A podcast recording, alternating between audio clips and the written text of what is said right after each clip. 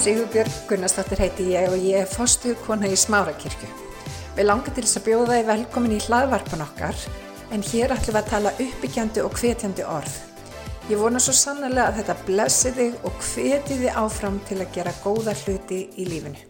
Góðan daginn, góði vinnir og velkomin samkomuna í Smárakirkju.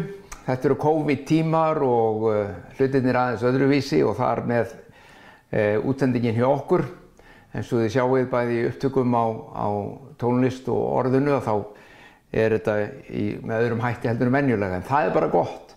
Það er ágætt að vera með fjölbreytnin og ágætt að vera uh, heima í stofu og hlusta og skoða og tala um þess að fallegu tónlist og njóta hennar. Og nú ætlum við að kíkja saman í Guðs orð.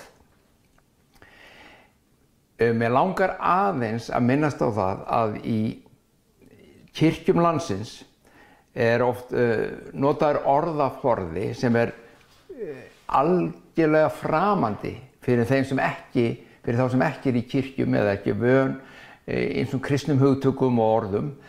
Við í kirkjum kallum þetta stundur svona kristnesku og grínust létt með það að engi skilir þetta fyrir utan okkur. Það er margt til í því. Fólk skilur ekkert allt sem er verið að segja og orð og hugtök sem er í gangi og mér langar að fara aðeins í dag örstuðt í eitt svona orð sérstaklega. Áðurinn fyrir þangað, taland um kristnesku, hún er heldur ekkert alltaf eins í kirkjum. Við getum talað um að það séu mismunandi mállískur í þessari kristnesku. Þjóðkirkja notar önnur orð heldur en kvítusunni kirkjan eða karismatiska kirkjur. Sko, þarna notaði ég eitt í kristinskunni karismatisk kirkja og hvað er óskopunum það, hver skilur það bara fyrir ykkur sem er hlustu og eru að forvetnast um það kannski karismatisk þýðir að vera, þetta er svona náðargjafa kirkja sem öðrum orðum bara við trúum á, á kraft og gjafir heilags anda í kirkjunni eins og uh, talaður um í rítningunni og uh, það eru karismatiska kirkjur og smára kirkjan er einmitt einn af þeim. Eitt af þessum orðum sem við notum mjög mikið og uh, ég veit að þjóðin öll hefur heyrt þó að hún enni skón óttasta jafnvel þetta orð og forðasta og það er orðið uh, frelsaður eða að frelsast. Ég hef áður skoðað örlíti hjá okkur hérna í smárkirkjunni hvaða grunn þetta og hvaðan þetta orð kemur í grískunni og hvaða raunverulega þýðir og mér langar að skoða það aðeins betur í dag og kíkja á það uh, hvað þetta þýðir uh, því að ég hef grunu það og mín tilfinning er og ég tala þar á eigin einslu að margir tólka þetta orð og skilja þetta orð of þröngt. Jáfnvel henni trúiðu uh, þessi merking orðsins í grískunni orðið í grísku er so-so S-O-Z-O so-so. Og bein þýðingu orðun er að frelsa. Það er síðan merkinguna að leysa einhvern uh, annarkvöld bókstala eða tákgrænt en orðið þýðir líka að lækna varðveita gera heilt vera heill. Þessi merking og hlustið á hvað við erum að tala um að vera heilbriður til andasálar og líkama að vera laus og frjáls vera hamingjusamur heill á líkamann líka varðveitast, ganga vel í lífinu. Við sjáum þetta þessa hugtök þessa leit líka í öðrum tungumálum heldur en kristnesku í þjóðfélaginu okkar. Hver verður ekki heyrt tala um jóka, heilun, reiki, slökun, núvitund og svo framvegis. Þetta er orð sem að ringsóla í þjóðfélaginu okkur í dag og þjóðin, svona sumir þeir allavega, sem okkar skiljum, önnur alls ekki og er flest höfum við heyrt. Og sumir óttast þessi orð. Vandamálið er eða við orðið frelsaður sem í, í, í, í kristna heimi að það ber með sér nefnilega ákveðið svona stigma og, og margir sjá fyrir sér þegar bara öfgatrúar fólk. Uh, þeir það var ég mann eftir að það var talað um svona holy rollers hvítasunum en þegar það bænast undir um þeim þá bara veltu sér um á gólfun og rúluðum allt og þetta var svona öfgatrú, sértrúarhópur og frelsaður ef þú ert frelsaður þá varst yfirleitt einhvern svona hóp eða hópi. Og uh, þess vegna óttast margir þetta orð. En mig langar í dag að eða smá tíma í kringum þetta orð til að sína fram á það er engin ástæð til að óttast. Þetta er ekki þannig orð. Og ef maður hefur fengið á sig þessa mynd að, að þetta sé eitthvað neikvægt að þá kannski má spyrja þessu hvort það sé ekki bara frekar hinnu trúðu sem hafa eh, gert það verkum að þessi ímynd orðsins eh, um einhvern aukatrú sé í hugum fólks neikvæð mynd sem sagt. Eh, orðið sósó eh, felur í sér frelsun eða lausn frá hlutum laust frá einhverju sem er fjötrar og einhvern bindur. Eh, þú ert fjötraður í, í, í, í einhverja hlekki lífsins líður illa, fjötraður í synd eða ránga hluti einhvað sem bindur þig og það að frelsast því er einfallega bara að losna undan því.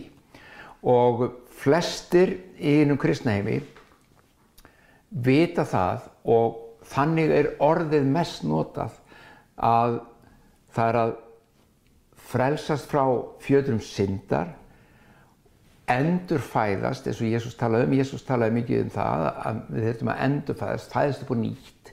Og þá var hann að tala um innri lífið, umskerast segi Biblíun líka á hjart okkar, þar sé að það er eitthvað breyting innra fyrir eh, útlitið á okkur er kannski ekki að breytast við erum ekki að fara að breytast í, í þó, þó við verum ný sköpun eins og Biblíun talar um að við verðum þá er breytingi fyrst og næst innra fyrir sem síðan kemur fram í nýri hugsun, nýjum orðum, nýjum verkum. Þetta eru líka orð kristneskunar, endurfæðing og svo framvegs. En flestir hugsa þetta orð í þessu samhengi. Losna frá fjöldunum syndar, frá fyrirgjörningu syndana og eiga von og trú um eilíft líf með Guði að loknu þessu jarlífi. Þetta er svona klassísk nótun á þessu og það eru ekkert allir sem að, uh, já, eins og ég sagði það, margir eru hrætti við þetta en henni kristun sem nota þetta nota það oftast nær eða mjög oft í þessari þröngumerkingu.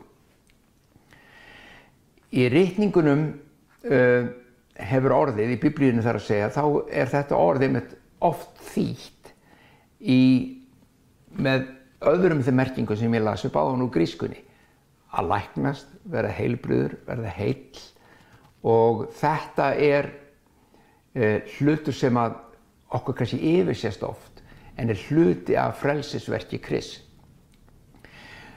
Ég ætla að lesa úr biblíunni Markus 10. kabla, hlustum vel á það, 46-52. Þeir komu til Jeríkó og þegar hann fór út úr borginni á samt lærusveinu sínum og miklu mannfjölda þá satar við veginn Bartimeus, sonur Tímeusar og hann var blindur beiningamadur. Þegar hann heyrði að þar færi Jésús frá Nazaret hjá þá tók hann að hrópa Sonur Davís, Jésús, miskuna þú mér. Margir höstuð á hann að hann þegði en hann hrópaði því meir. Sonur Davís, miskuna þú mér. Jésús nafn staður og sagði, kallið á hann.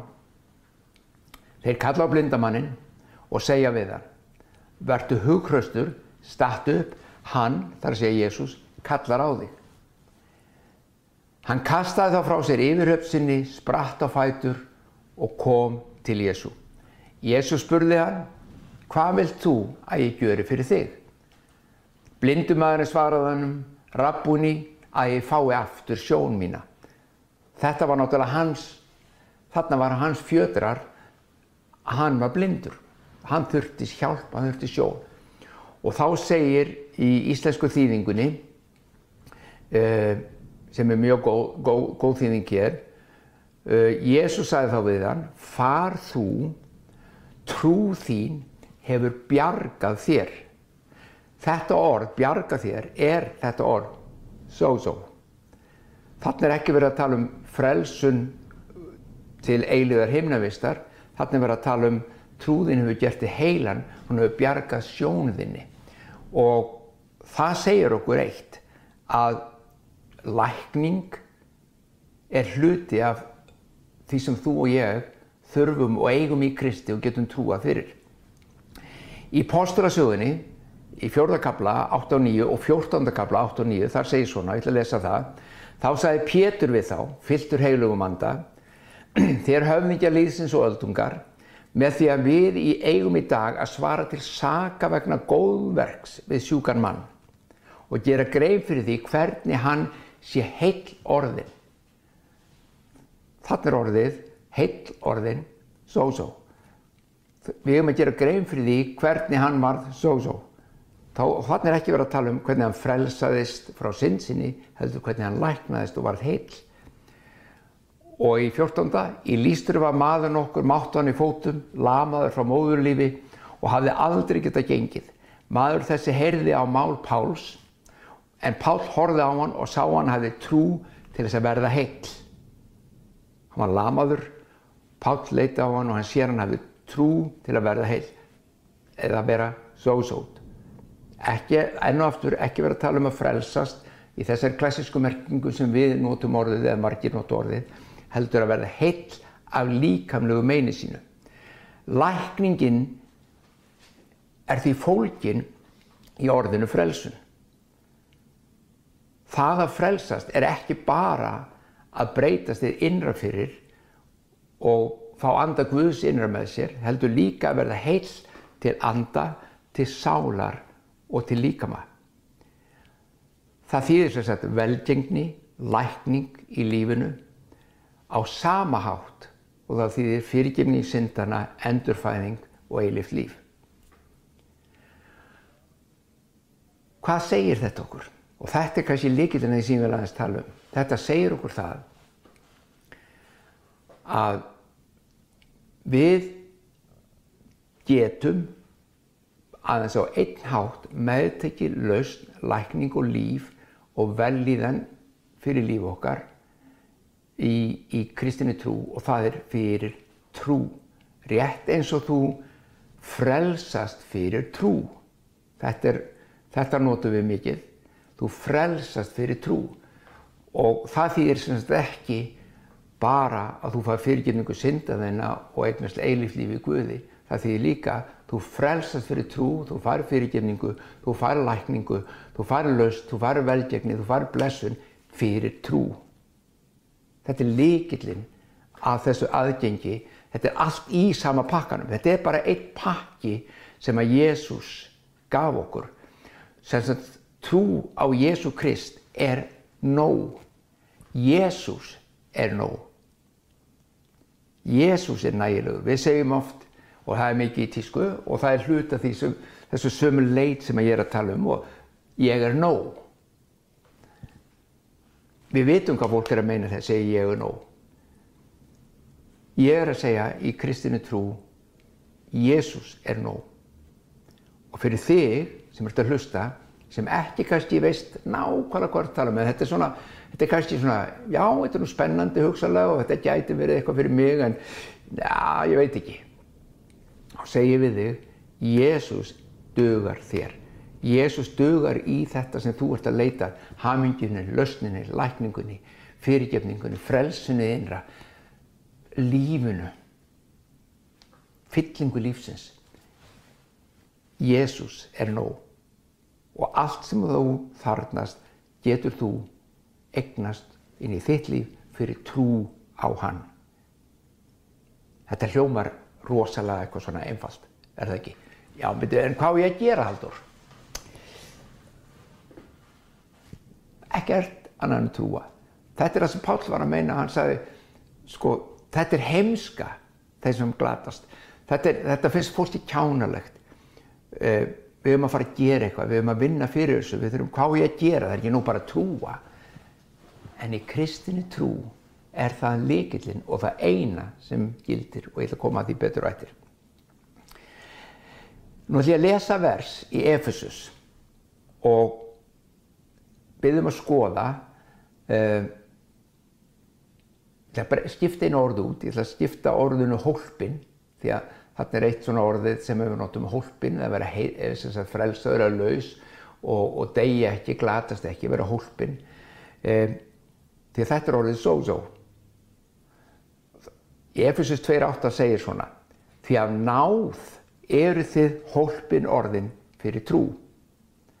Þetta er ekki ykkur að þakka, þetta er Guðskjöf ekki byggt á verkum, enginn skal geta miklast af því. Þau lesa þetta með annari merkingu orðsins og svo. Því að náð eru þið heilbrygð orðin fyrir trú. Þetta er ekki ykkur að þakka, þetta er Guðskjöf, ekki byggt á verkum, enginn skal geta miklast af því. Fyrir trú getur þú ögnast heilbreyði til andaðins sem er frelsunin, fyrir sálðina sem er friðurinn, stilling hugans, lægastormin í kollurum á okkur, núvitundin, meðvitundin, allt þetta sem fólk er jafnvægið, allt þetta fólk, sem fólk er að leita að, þetta býst þarna og fyrir líkamann sem er heilbreyði af líkanum krankleika.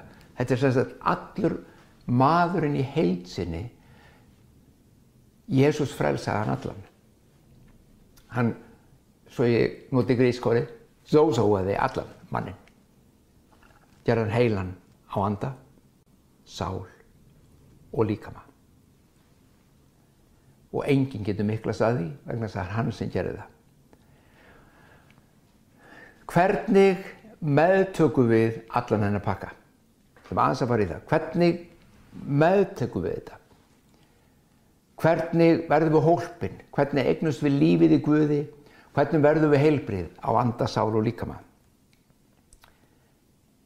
Fyrst af öllu vil ég rifi upp það sem ég sagði það.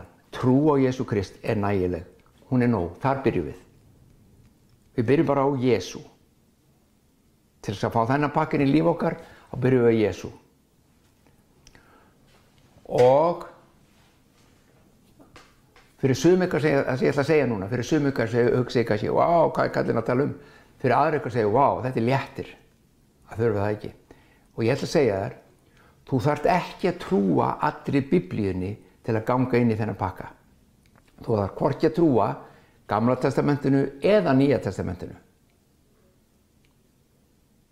Veitu, hvað, fara ekki að trúa biblíunni?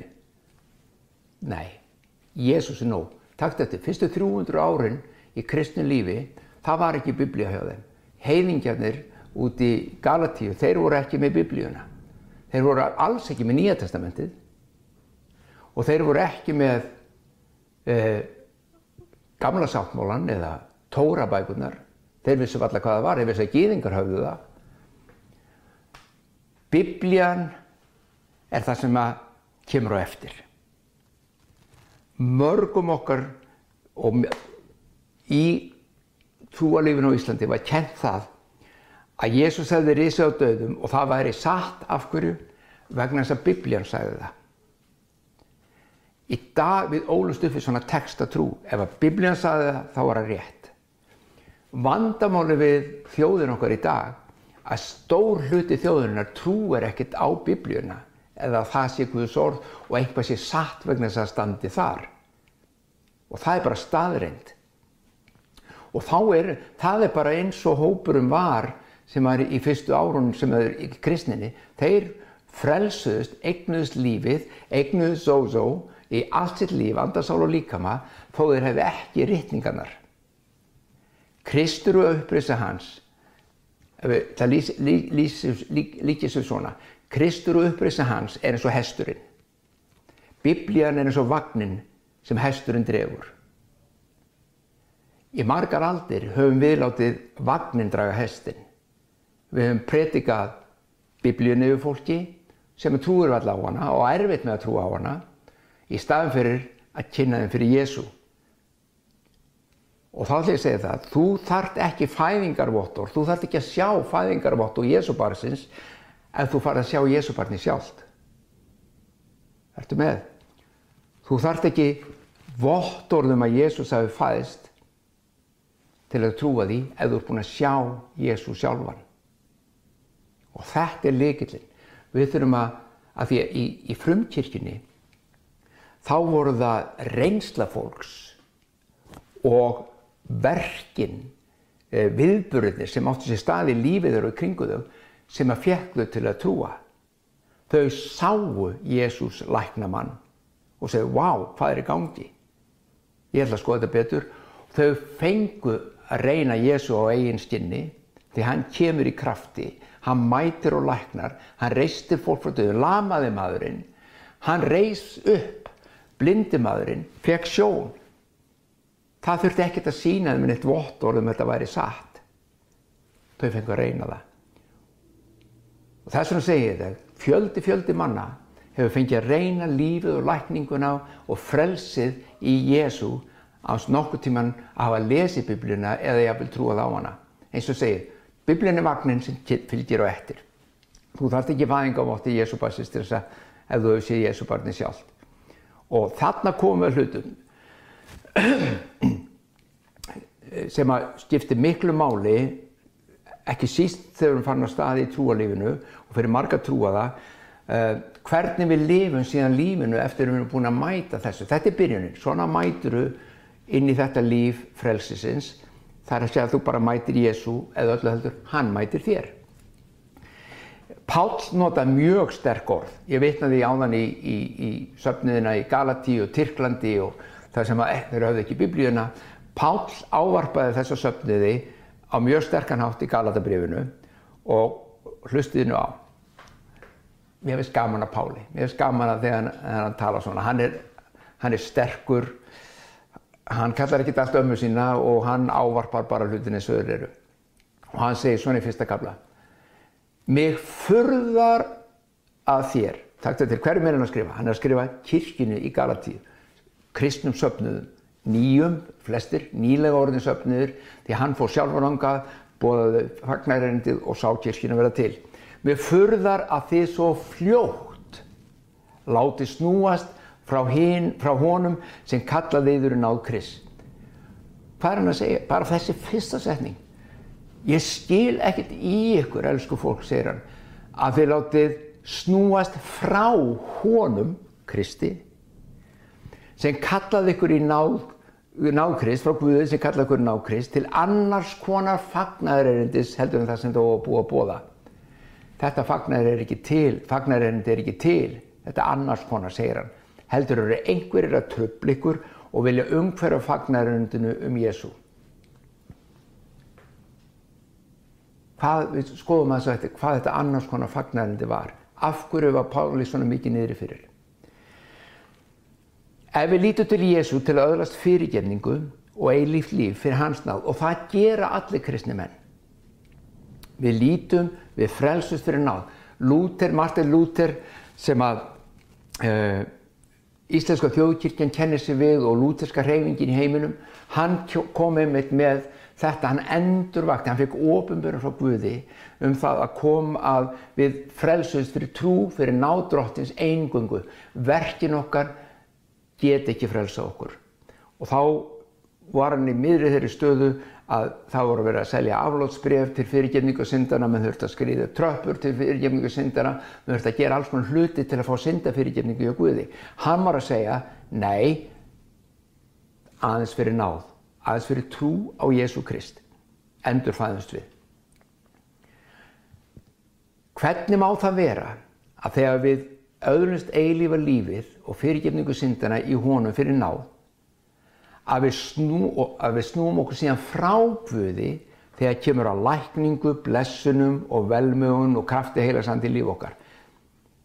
Því að margir kristni snúa sér einmitt frá Guði þá. Ég er ekki að tala um frá Guði að þeir fari frá honum fyrir fullt og allt heldur þeir snúa sér annað til að fá þessa hluti. Og hvert snúum við okkur? Að okkur sjálfum. Við snúum okkur til okkar sjálfra. Og hvað á ég við með því? Okkar eigin verk, við fyrir að leita í eigin verk einn heiluleika, einn réttlæti, hvað við erum góð, hvað við erum sterk og ef ég gerir þetta, þá fá ég lækningu og ef ég gerir svona, þá fá ég lækningu og ef ég byrð meira hér og gerir meira svona, þá gerist eitthvað. Og Páll er að ávarpa þetta og segir nei, vegna þess að Zozo þýðir allt þetta. Þetta er allt fyrir náð, þetta er allt fyrir trú. allt sem þú ert að leita og þartast í lífin, allt sem þú þráir er aðeins fyrir náð Guðs og fyrir trú á hann það er málið snúum okkur ekki á okkur sjálfum við munum aldrei standa okkur nógu vel til að fá allt frá Guði eða öðrast náðans eða réttlæti aldrei, við verðum aldrei nógu góð Sumum kristnum líður börnvanlega yfir þessu að þeim finnstu aldrei verið nógu góð og halda þessi að fara misvalt í Guði vegna þess að þau eru ekki nógu góð. Þetta er fyrir náð, elsku vinnur. Þetta er fyrir trú á hann. Þetta er fyrir náð. Við verum aldrei verið fullkominn hvað sem er. Þú getur ekki fengið lækningu. Ég, ég verði að segja ykkur þessu. Þetta er saga sem ég, er sönnsaga og gerðist. Það var uh, sjúk, sjúk kona og hún hafa búið að byggja oft fyrir henni og hún virti ekki ná lækningu. Það gerist ekki til líkamennar. Og presturinn hennar, hlustið á þetta, þetta er náttúrulega skjálfilegt fyrst mér persónulega sko. Hann segir, það er ástæð fyrir að þú ert ekki að fá lækningu. Og ertu búin að pröfa að gefa meira pening til kirkjunar. Því að eh, Guð elskar gladan gjafara og hann mun blessa þig ef þú gefur.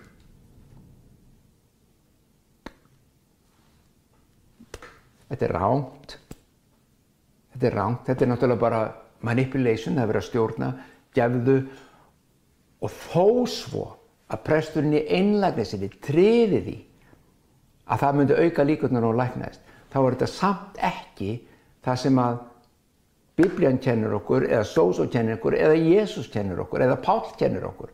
Þetta er nákvæmlega sem Pál var ávarp og segi ekki láta snú ykkur í þetta fagnarind að þurfa að fara að gera ykkur hluti til að fá það sem að Kristur er búin að vinna fyrir þig. Hann hefur gefið þessa hluti, þú þart ekki að bæta og getur ekki bætt neinu við til að öðlast. Hlustið hér á. Það minnast á þetta svona í lókin held ég Þetta er gott dæmi um þetta og við margi kristni, við föllum í þess að grifju nefnilega. Mattu 17, 14-21. Þegar þeir komið til fólksins, gekk til hans maður, fjall á knef fyrir honum og sagði, Herra, miskuna þú síni mínum. Hann, var, hann er tungsjúkur, uh, hann gæður of, gæðveikur og eitthvað, hann er lasinn og illahaldinn. Oft fellur hann á eld og oft í vatn. Ég fór með hann til lærisveina þinna, takktu þessari líkilsetningu. Maðurinn kemur til Jésu og segir, ég fór með són minn til lærisveina þinna en þeir gáttu ekki læknaðan. Jésu svaraði, Ó, þú vantrúa og rángsnúna kynslu, hversu lengi á ég að vera með ykkur? Hversu lengi á ég að umbyrað ykkur? og þá er hann að tala um bura vantrúna. Færið piltinn til mín. Jésús hastaði á hann og illi andin sem í honum var fór út af honum og sveitni var heill frá þeirri stundu. Lærisvörnir horfið á, lærisvörnir hugsaðu, wow, við gáttum þetta ekki. Ah, hann gæti þetta. Svo þeir koma til Jésu eftir á að spyrja, þeir voru einir með honum, pappin farin, strákurinn farin, allir farinir nema þeir og þeir spyrja Jésu, hvers vegna gátum við ekki gert þetta Jésús? Akkur gátum við ekki læknaðan? Og þá kemur fræg setning og fræg svör sem að ég held að við höfum oft miskilið. Hann segir, vegna þess að ykkur skortir trú, sannlega segi ykkur, ef þið hafið trú eins og mustarskort, getið þið sagt við fjall þetta, flytið hérðan og þangað og það mun flytið sig. Og í þessu tilvilli var sjúkdómur drengsins mikið fjall. Og svo sannlega var hann stórfjall í lífi drengsins og, og fjölsyldunar. Og þau þurfti að losna við þetta fjall. Og Jésús ávarpaði það og sett hann frjálsam frá því. Flytið hérðan og þangað og það mun flytið sig. Ekkert verður ykkur þá um megn, segir Jésús. Og svo segir hann, en þetta kyn verður eigi reykið út nefnum með bæn og föstu. Ég held að þarna höfum við miskilið hluti. Því að flest okkar sem lesum þetta orð og höfum þekkjum þetta orð og höfum lifað í þessu orði eða orðið lifa með okkur í einhver tíma og við viljum sjá kraft Guðs. Við höldum þarna sér líkillinn að andin, sjúkdómurinn, fjallið er svo stórt að þú ræður ekki við það nema byggja og fasta. Hmm, er það það sem hann er að segja? Segir Jésús, þegar þið hefur trúið sem ustarskort getið þið sagt við fjallið að flytja hérna og þanga og það með flytja sig, ekkert verður ykkur um megn, en þessi sjúkdómur, þessi andi, hann er svo stór, nei, heyrðu, það er ekki nú að hafa trú á hann, þú er að byggja og fasta og þá kemur það. Er hann að bæta bæn og föstu við trúna til að láta það gerast? Mæ, ég ætla að leggja aðra tólkun á þetta framfyrir þig og ég byrðum að skoða hana. Ég trúi því að hann sé að segja hér vantrúin ykkar það var fjallið í þeirra lífi. Þú þegar hann byrjar að segja ávarpa vantrúin og segir hversu lengi á ég að umbyrja vantrú ykkar? Og svo þann segir hann þetta kyn, þessi vantrú að vantrú almennt kemur ekki út, fer ekki úr ykkar lífi fyrir en með bæn og föstu. Og hvað, hvað er ég að meina? Og hvað er hann að meina? Þegar þú ræktar, þú stoppar, þú sérði eitthvað og það, það gerist ekki eitthvað og þú segir, heyri, það er ekki vegna þess að fjallið sé svo stórt, andin er svo sterkur, nei, Jésús minnist ekkert á það, það er vegna þess að ég trú ekki. Það er vegna þess að ég trú, þannig að síminn að ringja okkur, það er vegna þess að ég trú ekki. Og þess vegna þarf ég að bakka, ég þarf að taka tíma, ég þarf að fara afsýðis, ég þarf að byggja ég þarf að fasta, af hverju? Til að mitt líf, til að ég fara á réttastað, þetta er í takt við það sem Páll var að segja, ekki láta leið ykkur afvega frá fagnarundinu. Bæn og fasta er að stilla sig rétt af aftur. Það er að fara inn og segja, heyrðu, af hverju hef ég ekki trú? Samt segir Jésús að ég eigi þetta og ég hafi þetta og hann hefur gefið mér þetta. Og þú ræktar innri mannin, þú, þú stoppar og þú dílar við ástand hjartanins og virkjar trúna, þú endur nýjar náð Guðs innra með þér og far rifjar upp að allt er þetta fyrir náð og ef þú trúir þá er þér gefið. Þú þarf ekki að gera neitt til þess að breyta lífunu í kringun eða kringustöðum eða sjálfum þér. Þú þarf bara að trúa náðarverki Krist. Ég veit þetta hljómar alveg hrikalega eitthvað svona einfalt og simpult.